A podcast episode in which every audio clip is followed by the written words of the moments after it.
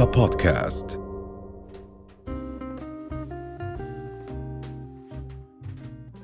اليوم موجودة معنا الدكتورة ربا مشربش لحتى تحكي لنا أكثر عن الفرق بين مرقة الدجاج والخضار المحضرة بالبنزل وأيضا الجاهزة. صباح الخير صباح يا ربا الخير. أهلا أهلا ليلك. أهلا. وسهلا. طيب ربا خلينا نحكي عن نبلش بالقيمة الغذائية.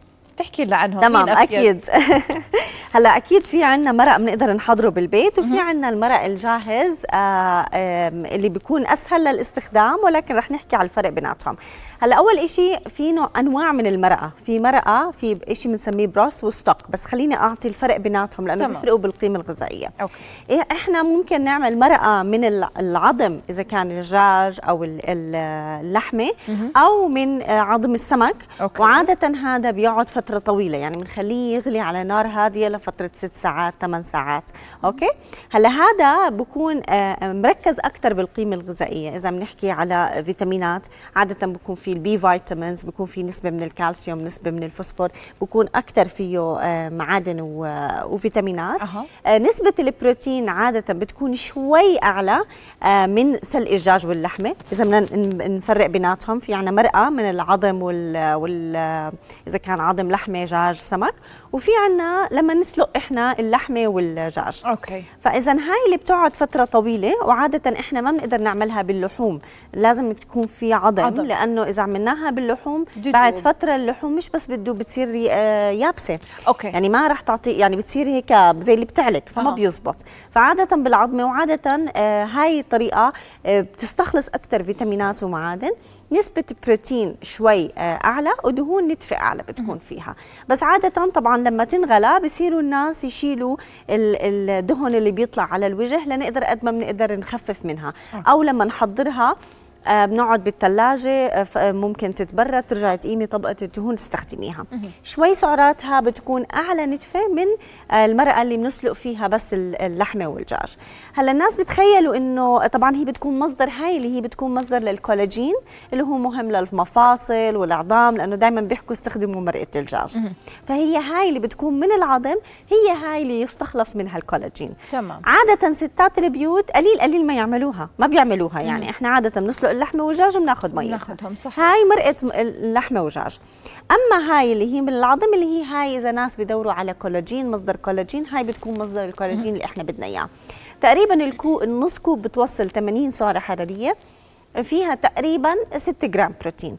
لما نحكي 6 جرام بروتين يعني تقريبا البيضة فيها 7 جرام بروتين. هي النص كوب من هاي بتعادل تقريباً. تقريبا. بروتين اللي في بالبيضة. أوكي, أوكي. هلا نيجي للسلق اللي إحنا بنعمله بالبيت. إنه مثلا ست بدها تعمل طبخة ملوخية بامية أو أي شيء من هدول الطبخات بتحط اللحمة والدجاج بتسلقها مع التوابل. طبعا تنتين بنستخدم فيهم توابل إذا كان بصل ثوم جزر بقدونس زعتر يعني هدول التوابل اللي بنستخدمها قدامنا أها. عادة. آه، بنسلقها مثلا سلقة سلقتين بتصفي اللحمة بتاخدي ميتها. هلأ هاي بتكون أقل بالمعادن والفيتامينات وأقل بالبروتين. أوكي. كمية البروتين بالنص كوب ممكن توصل 3 4 جرام. ففي ناس دائما بيسألوني خاصة للأولاد اللي ما بياكلوا إنه أنا ابني ما بياكل لحمة مثلا بالبامية بحط له أنا من المرقة. بيعطي بروتين بس يعني بس لا, يعتبر ما بيعطي زي البروتين قطعة الدجاج أو اللحمة أكيد. أوكي شيء منيح نعطيه شوية بس بدنا نركز إنه هون الام تعوض بروتين بمصادر تانية. إذا كان حليب لبن جبنة عدس آه، بدها تفكر بمصادر نباتية إذا ابنها مثلا برفض كثير. المصادر الحيوانية. فهاي بيكون فيها أقل فيتامينات ومعادن. بكون فيها نسبة بروتين أقل ونسبة دهن شوي أقل وسعرات أقل. يعني النص كوب ممكن توصل فقط 30 سعرة حرارية. تمام؟ المرأة اللي هي هاي اللي بدنا ننتبه لها إذا ناس عندنا ارتفاع عنده يوريك أسيد المرأة ما رح لا هاي المرأة ولا هاي المرأة ولا المكعب الجاهز هدول ينصح لهم. لأنه هاي كتير ضارة للأشخاص اللي عندهم يوريك أسيد الأشخاص التانيين إذا إحنا بنشيل الزفر أو الدهن الموجود على الوجه بنقدر نستخدمها بتكون نعم مصدر لبعض الفيتامينات والمعادن. مش كتير أكيد. زي لما تاكلي قطعة دجاج ولحمة بس طبعا. بتكون فيها. ولكن فيها فوائد. فيها فوائد موجودة. نعم. تمام؟ تمام. هلا معناته خلينا نيجي نحكي عن يعني بتفضلي الجاهز فرضا أو بتفضلي لا المعمولة بالبيت؟ لأنه أنا بسمع إنه فيها كميات أملاح عالية الجاهز. أها. هلأ أكيد أكيد. لما أنا أسلق لحمتي ودجاج بالبيت و... وأنا اشيل الدهن أكيد هون باخذ قيمة غذائية عالية. هلأ نيجي للمرق الجاهز أو المكعبات الجاهزة. بعرف إنها سهلة لستات البيوت بس فيها شغلتين. فيها صوديوم عالي يعني للناس اللي عندهم ضغط أمراض قلب فيها نسبة ملوحة عالية. كمان في إشي اللي بنحكي بيعطي طعم ال... فيها مادة بنسميها المونوصوديوم جلوتاميت وهاي اللي دائما في عليها الجدل. شو هي هاي المادة؟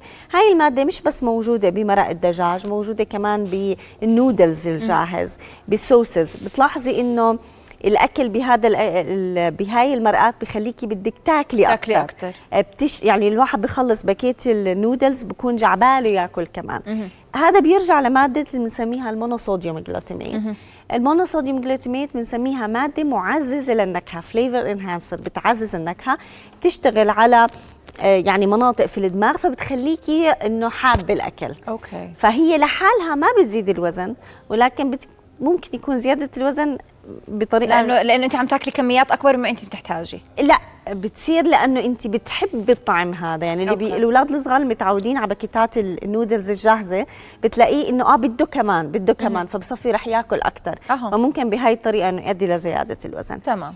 آه هلأ صار في كثير جدل عليها إنه هل هاي المادة آه مسرطنة؟ هل هاي المادة ضارة؟ هلأ هي بحسب الدراسات وال FDA بنسميها تعتبر آمنة ولكن لسه في عليها دراسات أه. بعض الأشخاص حساسين لهاي المادة حساسين يعني إيش بصير معهم؟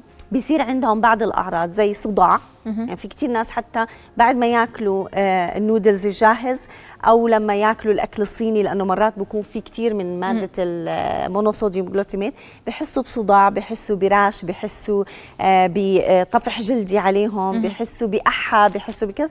هاي بتكون نتيجة إنه هم مش ملائميتهم هاي المادة. نعم. فأكيد لستات البيوت اللي بتقدر تعمل إذا هي سالقه اللحمة هيك هيك سالقه الكذا أكيد أفضل وبشوفهم بيقدروا يعملوها وبعدين بشوف ناس زي بفرزوهم أو بيخلوهم يعني هيك مضبوبين فلما يحتاجوهم بيلاقوهم بسهولة. بالضبط. هلأ إذا عم تستخدموا هاي زي ما قلت لك إنه أكيد لسه ما في شيء إثبات إنه هي ما بتسبب سرطان ولكن يفضل إذا بتستخدمي منها كثير يا بتقللي استخدامها يا بتبدليها أكيد بالطبيعية لأنه نعم. الطبيعية بتقدري تتحكمي بالتوابل. يعني إحنا عادة يا بنستخدم بصل ثوم جزر في ناس بحطوا كرافس يعني هدول أوكي إحنا ما عم ناكل الجزر وال ولكن ناخذ الفوائد اللي موجودة فيه. بالضبط. نعم. زعتر اوريجانو وغيرها. نعم. اذا شكرا لوجودك معنا ربا شكرا على كل النصائح. رؤيا بودكاست.